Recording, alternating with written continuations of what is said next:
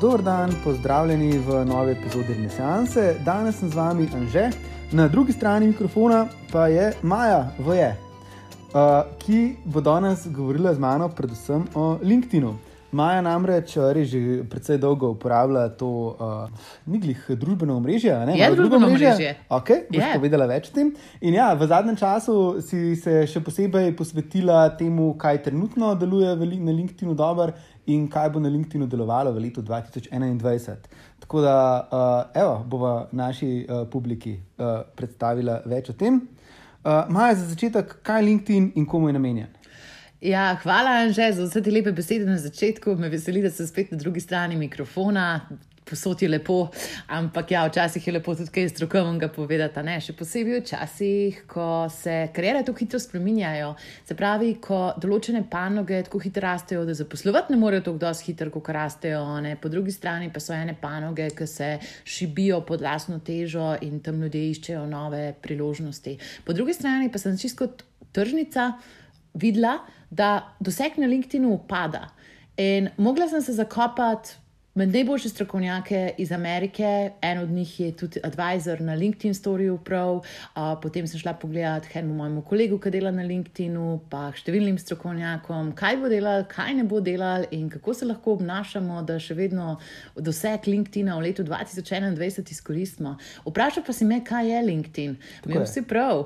To je družbeno omrežje, največje profesionalno družbeno omrežje na svetu, ki ima 772 milijonov uporabnikov. Presenetljivo je skoraj da 50% njih aktivnih na mesečnem nivoju. A se ti to, te si to, ta cifra zdi očitna? ogromne številke. Ogromna, ja, ne? ja, ja. Hm. Ampak, ampak, glede je ena ogromna priložnost. A veš, zakaj je že?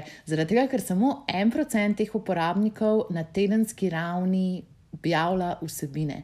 Se pravi, če je masa prikazov, ki jih imamo na LinkedIn-u, se pravi, lahko pridemo do 310 milijonov ljudi na praktično mesečnem nivoju, a ne teh aktivnih uporabnikov, in tukaj se lahko generira 9 milijard impressionov, se pravi, vtisov, prikazov teh vsebin. Imamo mi kot en procent ljudi, ki vsaj enkrat na teden na LinkedIn-u nekaj objavi, lahko ogromno prednost. Okay, en procent objavljajo, vsi ostali pa samo skrolajo, uh, všečkajo, mogoče kaj pokomentirajo.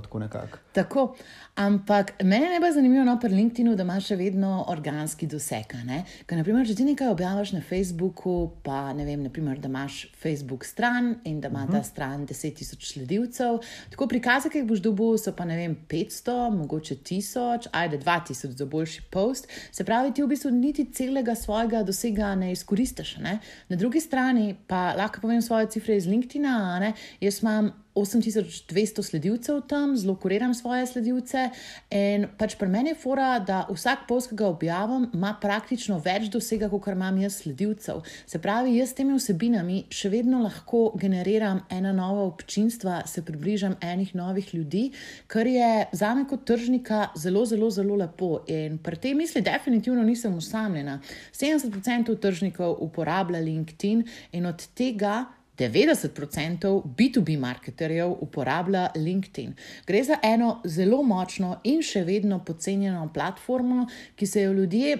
Meni brez znanega razloga nekoliko bojijo, ker ne vejo, kaj bi objavljali gor, ampak vse v podkastu bo povedala številne primere, kako res tam zmagati, kako ne glede na to, če si B2C, se pravi, če prodajaš končnim kupcem, a pa B2B, kako narediti eno full zmagovalno igro tam.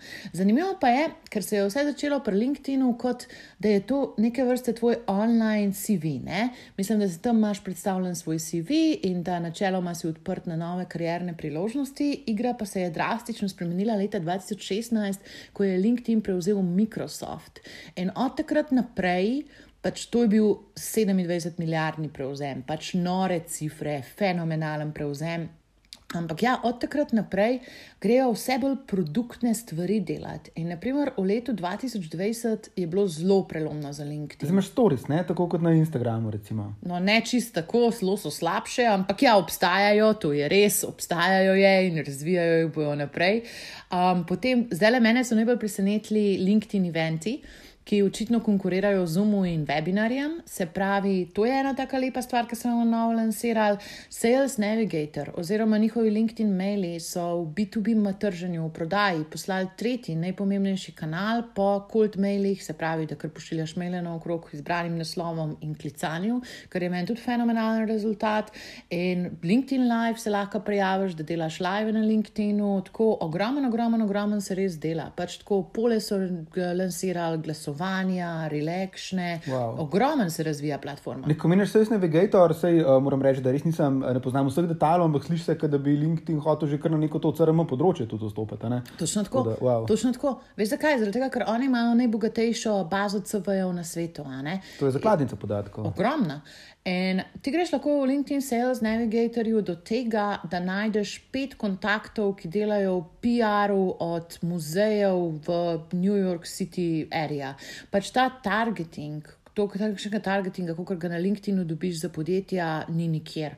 Pač oni imajo vse podatke, lasnijo si jih, imaš pač tam aktivnost. Smo rekli prej, da je polovica teh porabnikov vseh od LinkedInov aktivnih in tam se da nore stvari delati. No, če imaš pravo strategijo, pravi poslovne cilje.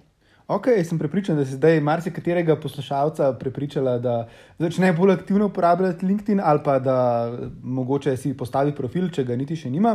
Tako da, kaj pa je najpomembnejše pri tem, ko se lotimo postavljanja ali pa neke konkretne osvežitve svojega LinkedIn profila? Ja, jaz bi definitivno rekla, da prva stvar, ki jo je treba porihtati, so vizuali, se pravi, da imaš neko profilno sliko iz tega desetletja, če je to mogoče. Um, ogromno krat vidim napako, veš, ta background slika, ki jo imajo uh -huh. ljudje v zadju, da um, slika glave potem prekrije tekst. Ne? To je treba pozicionirati tako, da se glava pač ne dotika teksta in da ne razbije tistega vizuala. Potem se da featured, uh, prostaviti ene vizuale, kot so naprimer primeri tvojega dela, primeri vzpostavljenih stvari, ki jih imaš, kakšni certifikati, da se na ta način gradi kredibilnost. Kako kar na spletnih straneh, to gre za, če si predstavljamo hitmap, kaj najprej pogledaš, se pravi, kje je največ pozornosti kam grejo naše oči, tako grejo na sliko človeka, sliko človeka nas pritegne, mm -hmm. potem nas pa pritegnejo vizualni elementi. Se pravi, iščemo logote podjetij, ki jih poznamo, iščemo neke take grand vizuale v smislu kakšnih certifikatov, kakšnih referenc dela, take zadeve. In ja, te vizuale je definitivno ful potrebno investirati. Ta druga točka, ki jo moram pa ne izpodbitno omeniti, klele, je pa tvoj professional title. Se pravi, tisto, veš, kaj je tvoja pozicija. In klele je en velik handicap razlike pri sprejemanju teh povabil, ki jih ljudje pošiljajo na LinkedIn-u. Jaz jih, na primer, na dan dobim 20 ali pa 30, in če vidim nekoga, ki ima tam kakšen sales ali pa business development, tako kar vnaprej že vem, da bo to nekaj strašnega, da mi bo začel neke SEO storitve iz uh, Indije prodajati, in pač ono ne sprejmem. Ne sprejmem, ker imam tako negativne izkušnje s tem. Veš, in v bistvu, kaj hočem povedati, je, da izhajaš vedno iz pozicije nezaupanja. Zaradi tega, ker ljudje, podjetniki sploh so imeli imeli veliko negativnih izkušenj s tem, kar so jih ljudje naslavljali s temi svojimi glupimi -hmm. prodajnimi ponudbami na LinkedIn-u. In zdaj pač tako je treba ogromno investirati v te elemente, ki gradijo zaupanje. In formula tukaj je zelo enostavna. Reče se CIA. Ja, okay, okay. Tako kot centralna obveščevalna agencija. Ja, tako. Ampak pomeni pa nekaj drugega. C za kredibiliti, naša kredibilnost. Da smo uh -huh. mi mhm. strokovnjaki na svojem področju, eni ljudje, ki sproduciramo izobraževalne koristne vsebine za svoje občinstvo. Ta druga je integriteta. Se pravi, če jaz, na primer, govorim zdaj le v LinkedIn-u, danes z vami, pa bi šli mene na LinkedIn pogledat, pa bi mogoče videl, da imam jaz tam 100 sledilcev, bi rekel, kaj nam ona to govori. Ona se še sama svojega profila ne zna zrast, kaj to, zakaj mi ne poslušamo. Ne? In pač to, te stvari, ki smo danes govorili, to jaz seveda vse delam tudi na svojem profilu. In pa je tukaj še A kot authority, se pravi, klele pa lahko se soznamčimo s sorodnimi strokovnjaki, uporabljamo te um, statistike, ki jih imamo od našega dela, se pravi, koliko imamo strank, koliko prihrankov je naša storitev komu omogočila, potem pač imamo lahko tudi kakšne stvari, kot so reference, te znamke, ki jih vsi poznajo. Tako da, ja, klele se mi zdi, da je full, full, full, full, full za delati. Zakaj? Mhm. Zaradi tega, ker LinkedIn, ali še tako. Zmenek, Anže. Če bi jaz tep na prvem zmenku rekla, Anže, bi si poročil z mano, kako bi se počutil? No, ja.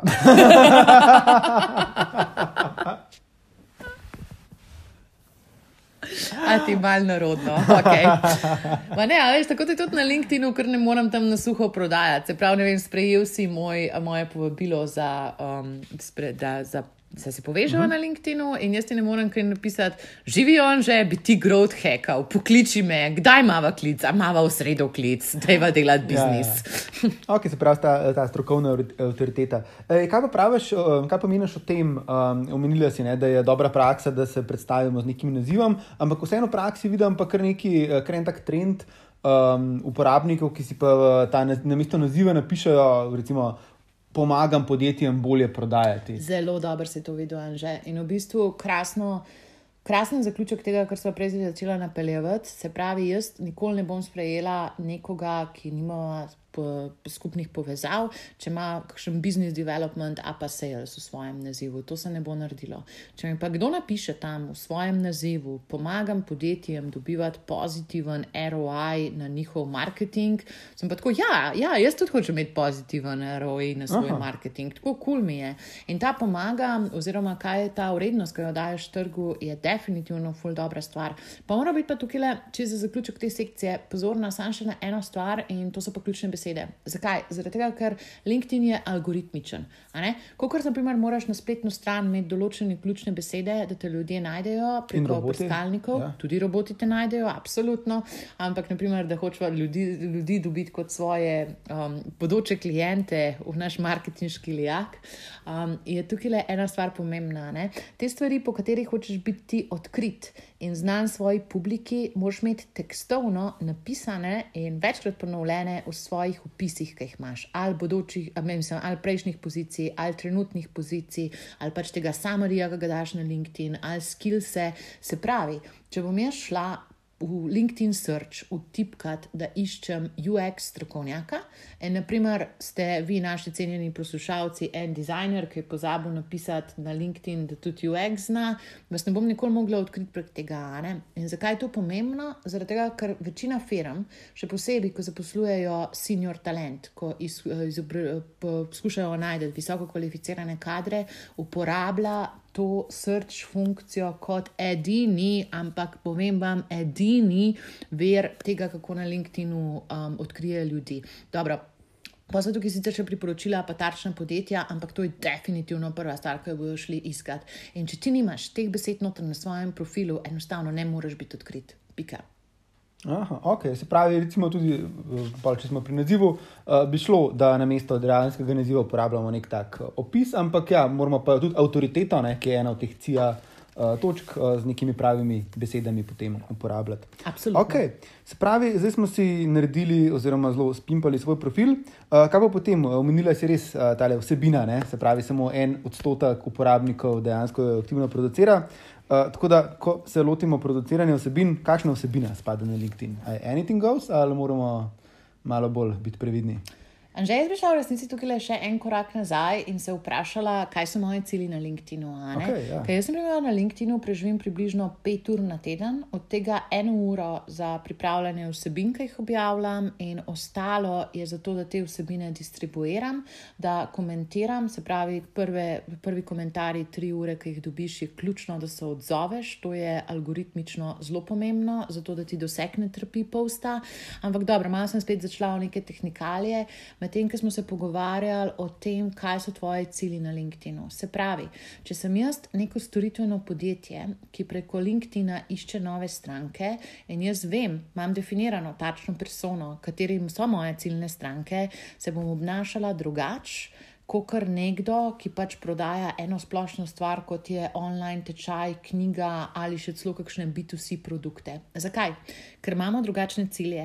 Se pravi, ko jaz prodajam svojo storitev, naprimer svoje konzulting storitev, jaz vem, da so moje ciljne stranke tehnološka podjetja, tam približno 20 do 50 milijonov prihodkov na leto in um, jaz vem, kakšni so njihovi problemi, zaradi tega, ker vsak dan delam z njimi.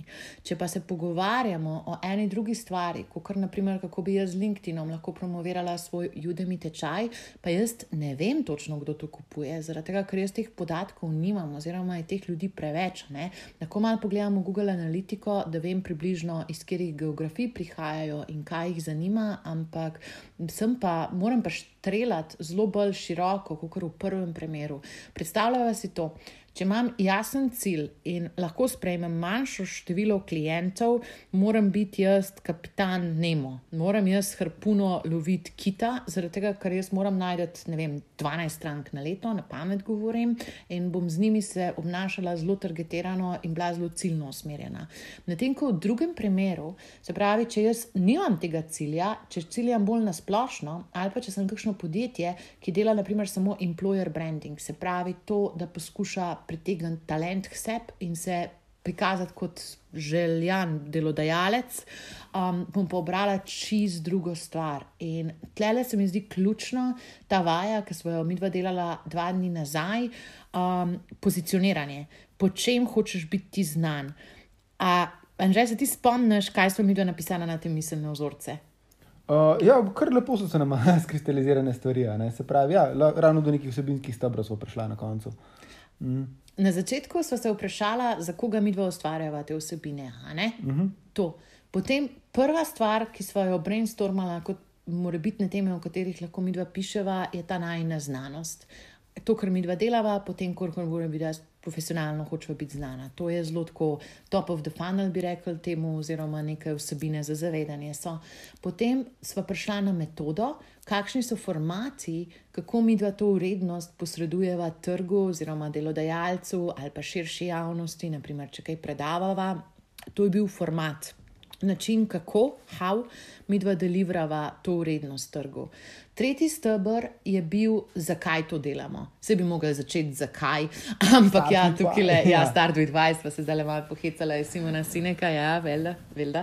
Ampak um, ja, tukaj je pa ta zgodba, ker zgodbe blazno pritegnejo ljudi in tako iz vidika istovetenja in zakaj to delaš in da tudi kakšne osebne elemente bolj razkriješ, je na LinkedIn-u lahko blazno uspešna osebina. Ne moram reči, da je treba samo na tem bazirati, zaradi tega, ker še vedno imamo druge komunikacije komercialne cilje, a pa cilje profesionalnega pozicioniranja, iskanja novih kariernih razvojnih priložnosti, iskanja kadra. Ampak ja, temu bi mogel biti podrejen vse, kar mi delamo na LinkedIn-u, kaj so naši cilji. Pol pa, da samo njim ne blebečemo, je treba pa še eno drugo rokco miselnega vzorca tam noter podati, je pa družbeni dokaz. Oziroma to, da imamo mi neke študije primerov, kaj smo naredili. Aha, da imamo avtoriteto gradimo. Uh -huh, uh -huh. Da nam kakšne stranke napišejo, da so bile zadovoljne s to storitvijo. Se pravi, da mi sami ne kričimo stalno, mi smo najboljši, mi smo najjači, ampak da tukaj neki drugega pove od nas, a ne nekdo drug, da jamči za te zadeve, ki smo jih mi tako razbobnali naokrog. Okay. Uh, Če se pa po drugi strani ne smemo početi, kdaj smo pa na tankem ledu, kar nam pa mogoče lahko potem ne, recimo, vpliva na doseg ali pa preprosto izpade neokusno v očeh drugih uporabnikov. Dobro. Jaz bi mogoče sam še povedala tukaj na dobrih praksah, kaj objavljati, zato ker sem sama zafilozofirala prej um, za tisto pozicioniranje, pa umiselni vzorec. Se pravi, najboljš bojo funkcionirale vsebine, ki so edukativne narave, ki izobražujejo našo ciljno publiko. To lahko pač na brainstormamo na prej omenjen način. Potem druga stvar je ful pomembna, da tudi povemo svetu, kaj delamo, kaj so naše storitve. To je bolj sredi lijaka oziroma kako jim mi lahko. Um, da damo to dodano vrednost. Definitivno je fajn, če se tudi malo komunicira te milestone, ključne menike, ki jih imaš ali v karieri ali v poslu. In ne na zadnje je zelo, zelo, zelo dober, tudi da se dotikamo kakšnih takih tem, ki so, jaz ne bom rekla bolj emocionalne, ampak bolj osebne narave. Zaradi tega, ker kaj sem zdaj videla na LinkedIn-u, je, da ljudje so gor zvečer, ljudje so gor v vikendih, to ni bilo prej tako. In naprimer, včasih je fino tudi, katere knjige berem, kater, kako sem si uredila domačo pisarno, kako mi pes nagaja, medtem ko sem na zuklicih, pač take vsebine, ki se dotikajo tega našega življenja in uh mhm. -huh. nove realnosti. Zdaj pa, če greva na negativne vsebine oziroma na stvari, ki jih ni smatramo kot najboljša praksa na LinkedIn-u, pa so stvari, ki so ful preveč osebne. Zdaj, Tukaj so po moje deljena mnenja. Enim je lepo, če ljudje pišejo ranljive poste, ampak meni, naprimer, če pač daš sliko tam pohabljenega mačka iz Indijske ulice, ni to osebina, ki bi jo pričakovala na LinkedInu. Pač to mi ne gre v kontekst, zaradi tega, ker še vedno mislim, da je to profesionalno omrežje, niti mi ne gre v kontekst nekoga slika v kopalkah, pa pač kako je na afterpartiju s hostesami. To meni ni. Um, mislim, da ljudje ta LinkedIn še vedno dojemajo kot bolj profesionalno profesionalno omrežje. Pa še ena stvar, ki mogoče imam osebno verzijo do tega, um, ampak ja, kar meni, na primer, ni, je to pretirano paticijoniziranje sveta, v smislu, da se dela, že si najbolj bogi človek na svetu in kako si se nekaj naučil in se ti je potem spet spremenil. Vse ene ljudje palijo na to, ampak lej, to, je, ja. to je meni za posebne okuse. Ampak ni težava, da bi to LinkedIn algoritem to um, sankcioniral, klej gre bolj za neko vprašanje dejanske učinkovitosti. Oziroma... Pa tudi poslovne kulture. To, ja. Kaj meni je mm. tudi tisto, veš. Mislim, je ranljivost je lepa. In, naprimer, gledal sem gledala en post, kako je pač en človek objavil dve leti od moje kapi. Um, tam je zelo ostal v spominu, ker je bil takšen zelo nenavaden, ampak tako ene pa vidiš, da pretirano igrajo na ternoto. In se vsak njihov pol začne. Jaz sem bil včasih tako ubogi, komaj da nisem znal prečkati ceste, zdaj vodim biznis, ki ima milijonski promet. Dobro zate. ja, dobro zate, sam nimi vsak teden dvakrat tega zabrati. In tukaj smo potem prišli na levčke, se pravi, to so pa LinkedIn Lions. Lions, ja, Lions. Časa kar trend, ja, we are Lions, give us love zelo smešen. Jaz sem eno iz Nizozemske, eno mentoriranco rekla, da si mora to tako izbrisati svojega profila. Meni je LinkedIn Open Network, ne če se ja, to je to, to je to. In to so pač tako neki liki, ki kar pošiljajo requeste, pač avtomatizirano uh, to dodajajo ljudi po celem svetu.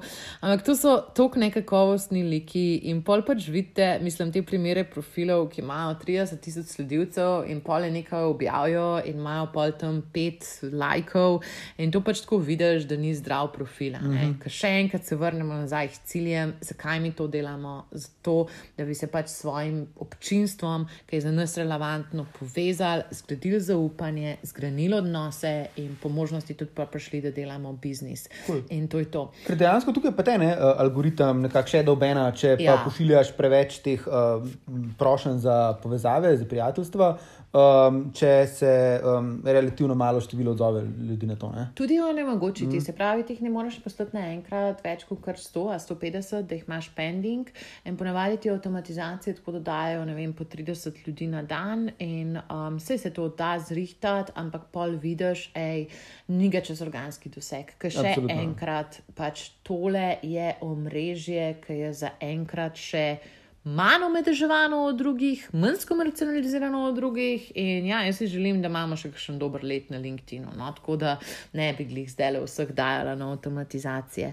Pa pa, ker smo že pri teh tečnih zadevah, sta pa še dve stvari. No? Prva je ta, da preveč prodajaš. Se pravi, ne vem, pač, da tam neke slike nepremičnin gor daješ in kupaj se daj samo 10% popust, pač to ni. To ni fora LinkedIn. Pač LinkedIn je res zato, da gradimo odnose, ono ni stvar, po kateri bi lahko meril direktne konverzije v večini primerov. Vse pač 20% svojih vsebin lahko postiš, da so komercialne namene, ampak ostalo pa ljudje pridejo gor po več ali manj to, da bi se izobraževali, pa spoznavali ljudi, ki jim lahko koristijo v karieri. Um, in ja, zadnja napaka, zadnji greh bi bil to, da nekonsistentno objavljaš gor na LinkedIn-u, se pravi, da je bila tvoja zadnja objava en mesec nazaj, pred zadnjo oblava pa leta 2016.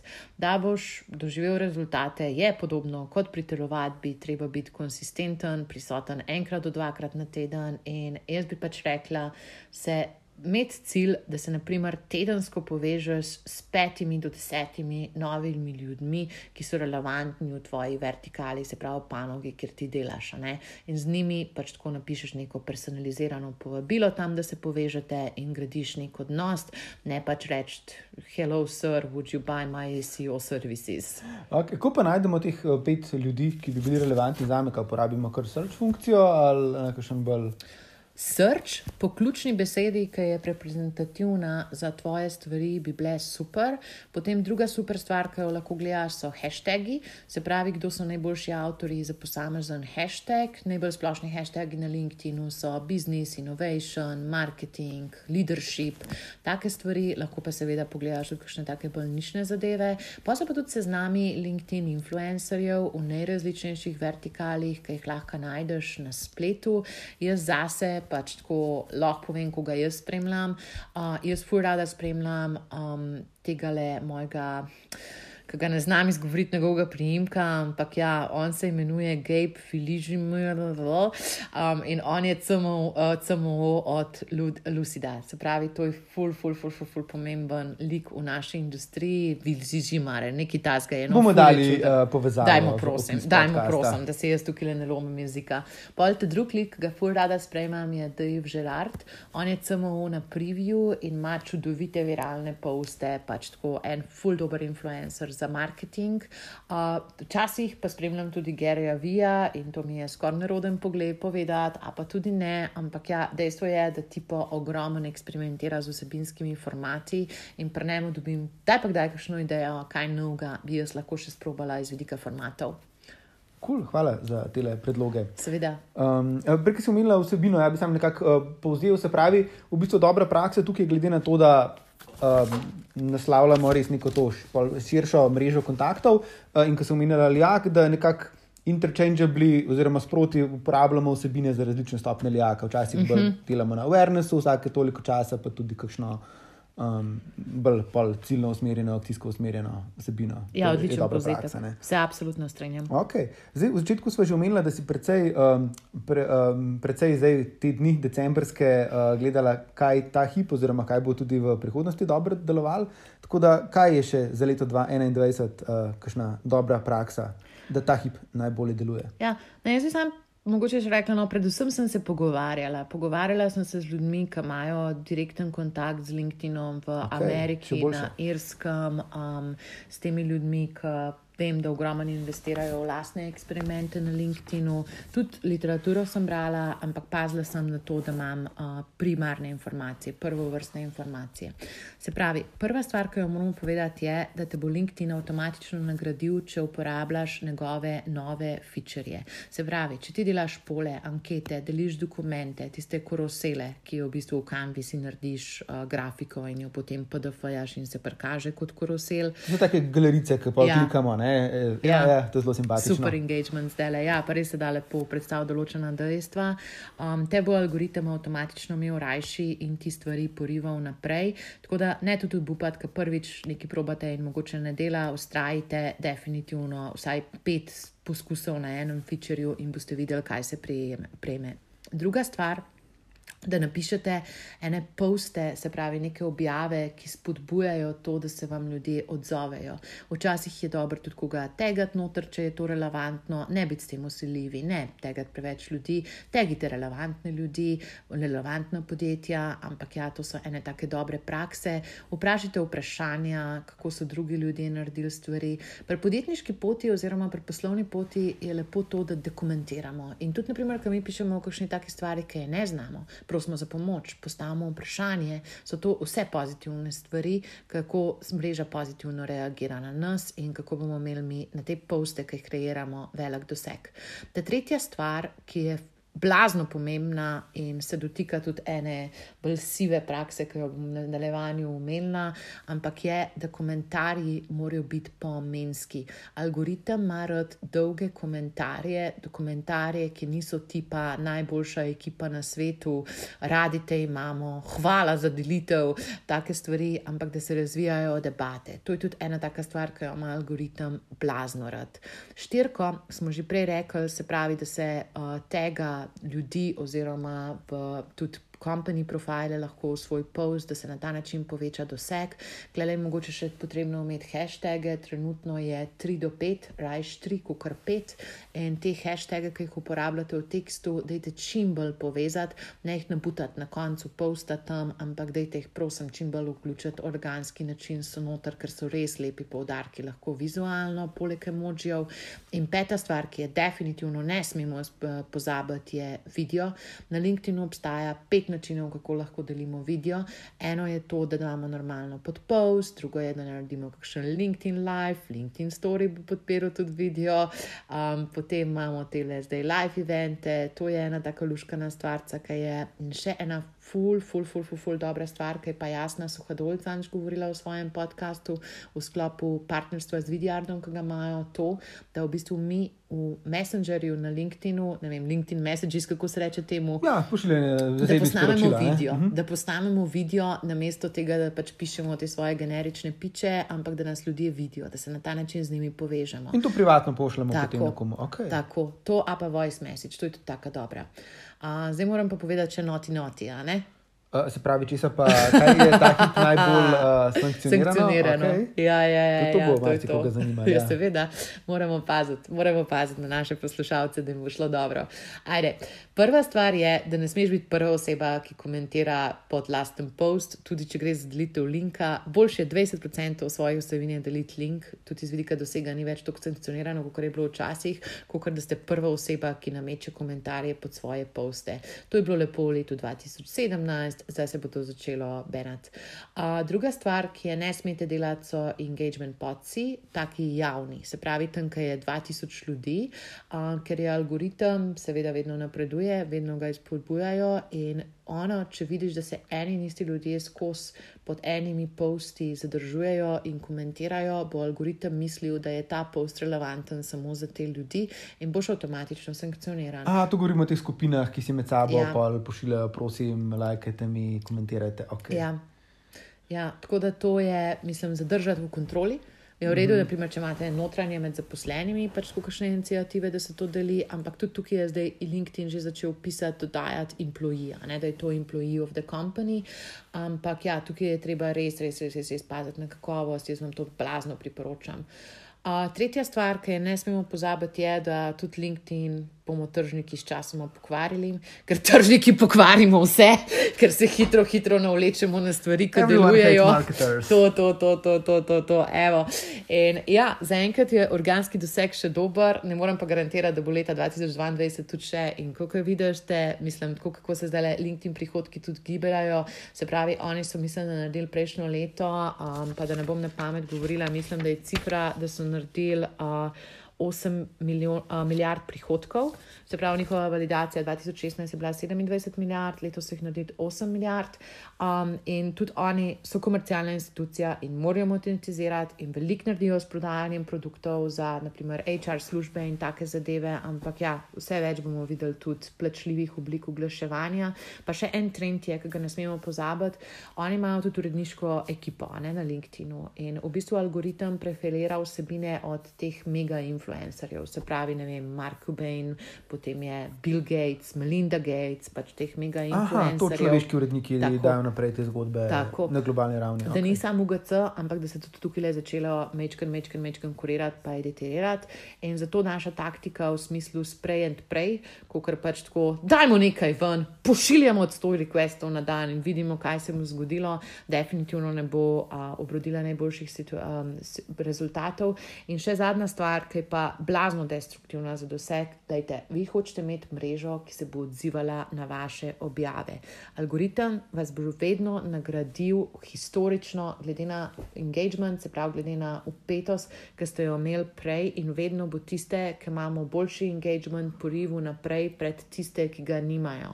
Zato je treba na tem delati strateško, dolgoročno in se upreti tem predrznim metrikam, venati metriks, kot so število sledilcev, ker nič ni gršega, kot profil za 20 tisoč sledilcev, od katerih pol tri lajkajo te objave. To vemo, da je fake, to ni dobro. Okay. Mimo grede, ki si omenila uh, LinkedIn, te vse nove um, uh, funkcionalnosti, LinkedIn Live, si ti že kar spridom bila in mislim, da je ena prvih ne, uporabnic tukaj v Sloveniji. Uh, si, tako da Um, kakšne imaš pa tukaj izkušnje? Ja, jaz sem petkrat ga naredila, nekaj tasga, nisem ga pol več delala, zaradi tega, ker je bilo poletje in smo šli malo na dopust, in pol jeseni sem imela že druge No, prioritete. odzivi so bili čudoviti, kot sem Ja, Odzivi so bili dobri, ampak tako če si z vidika dosega, le se ti lahko povem konkretne cifre, so, so to javne cifre. Jaz imam na povprečni objavi tako do 20 tisoč dosega, te vidi so ga imeli pa približno 3 tisoč. Tako iz vidika opeletenosti in iz vidika tega, kdo vem, da so gledali te live videe, je bilo tako super, ampak če si iz vidika tega, kjer posti pa pri meni historično najboljše delajo, so pa hit, hiter zajem urednosti, se pravi pozornosti, se pravi, da imaš en teaser na začetku, potem imaš value bulete, se pravi po alinejah napisano nekaj, kar je novega, nekaj, kar je dragocenega za občinstvo. Jaz velik tega znanja pač generiram sama iz svojih izkušenj in ga na ta način pol delim. In potem call to action ali pa vprašanje, kako se lahko ljudje povežejo s postom. In ja, zakaj sem ga jaz nehala delati? Je zaradi tega, ker jaz s klasičnimi posti imam še vedno boljše rezultate kot z live, čeprav sem full uživala v njemu in ni da reči, da ga ne bom še kdaj delala. Ok, super. Mimo grede tole pa. Um, Ko se vidi, je prišlo pa malo iz trenda, ne? tako pred par leti, če se spomnim, je pa algoritem zelo preferiral tiste uh, eno, enovrstične, poste z enovrstičnimi odstavki ne? Ja. in presledki vmes, kjer so pol prav neki taki. Ja, to je bilo se grozno leto. To je bilo 2017, spomnim se. Rekli smo mu LinkedIn Bromance. ja, ja, ja, prav take hecne zgodbe. Da, Ja. okay, I doma, used to takole. hate myself. To so ja, vedno kup, potem pa. I was friendless, I was working all days. Ja, hočem reči, v tem primeru mi je res taka, ta forma, ne, ki jo je algoritem Ja. preferiral, res na tak zelo nenavaden način potem vplivala na vse ne tipične vsebine. V glavnem, potem na dolgi rok. Ne, uh, Marketingi pokvarimo vse. Zato pa ne dela več.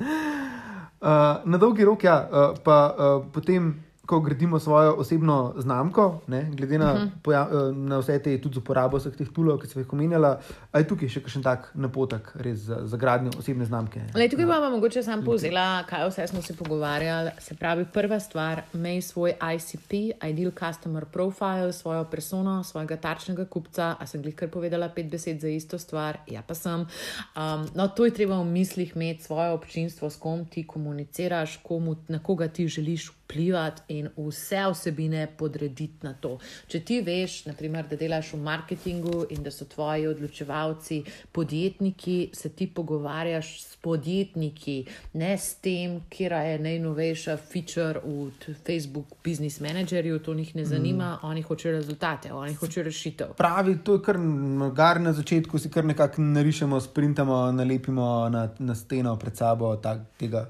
za koga pišemo. Pa v bistvu. pogovarjamo se z njimi. Mm. Vprašajo jih, kaj se zanimajo oni, kaj so njihovi največji problemi, in prilagodimo vsebino na ta način. Pol ta druga stvar je, da smo, da počasi pridemo daleč. Se pravi, mi gradimo odnose.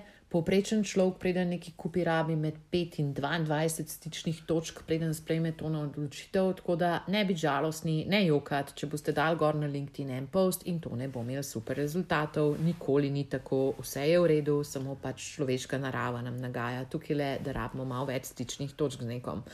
A, tretja najboljša praksa je definitivno to, da se pozicioniramo kot strokovnjaki na svojem področju in delimo vsebine, ki so edukativne v sodelovanju z influencerji, se pravi temi vplivneži, pa znamkami, ki že imajo neko zaupanje in kredibilnost. To je super. Ne na zadnje je treba pa tudi kaj pokazati. Ne? Ali z vidika tega, da kakšna tvoja stranka napiše kakšno priporočilo, da objaviš kakšen case study, mogoče kakšen primer dizajna, če ste dizajnerji, kakšen primer uspešnega projekta, na katerega ste ponosni v svoji trenutni službi. Se pravi, da ne pišeš skozi samo tem, kako je maček zoprn, ki ti skače na mizo med zoom klici, ampak da poveš malo tudi, kaj je bilo narejeno v tvoji karieri. To je definitivno super praksa. Ne na zadnje pa je treba sam še končati z eno mislijo in to je konsistentnost. Nič ne nadomesti konsistentnosti in tole za novo leto, lej, lahko si damo dve za obljubi.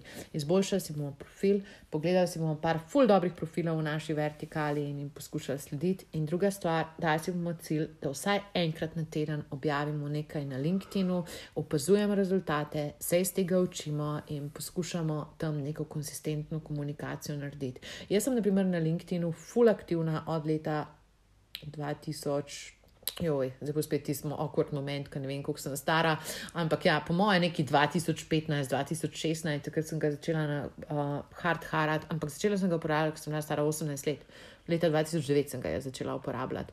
In ja, rasla sem tam gor, ful je moje nativno družbeno omrežje, še vedno pa se da priti gor tudi iz nule, zaradi tega, ker je več možnosti, kot kadarkoli, da se na LinkedIn-u mm. naredi nekaj resnega. In klele je sam pač tako igra na dolge proge, rezultati ne pridejo čez noč, ampak v dveh do treh mesecih jih boste pa siguren videli v enem četrtletju, če se tega resno lotite. Wow, čudovit povzetek. In ja, mislim, se strinjam, sebine na LinkedIn-u so izjemno zanimive in pestre tudi pri sebi sem ugotovil, da res pogosteje zajadram na LinkedIn kot pa na Facebook. Uh, tako da hvala, Maja, da si delila z nami vse te uh, sveže in super in uporabne napotke. Sem pripričan, da sem marsikoga spodbudila, da bo v novem letu bolj aktivno pristopil. E, jaz upam, da res to je bil definitivno namen. Če imate še kakršne koli vprašanja, dajte napisati. In se veste, kako je. Ne? Ena ideja, ko jo implementiraš, je več uredna kot sto idej, ki si jih slišal in pač obsedel na njih. Tako da, ajde, če si naprimer zrihtete že vizuale na LinkedIn-u, a pa se rečete, zelen pa januarja, vsak, mes, eh, vsak teden objavlja en a pa dva posta, je to bistveno boljš, kot če če ne boste po poslušanju tega pogovora naredili nič. Tako da, definitivno, evo, sem kle, če karkoli rabite, če bi se karkoli radi posledovali, tudi če ne veste, kaj bi objavljali, jaz bi imela siguren deset idej, če bi lahko vi objavljali. Tako da, ja, jaz vam želim srečno, srečno, srečno 2021 na LinkedInu in druge. Odlično, hvala Maja, hvala tudi vam, drage poslušalke, dragi poslušalci, uh, da ste bili z nami uh, v letošnjem letu. Uh, če vam je ta podcast všeč, bomo veseli vaše ocene ali komentarja v vaši najljubši aplikaciji in se malo spet slišimo. Adijo, čau!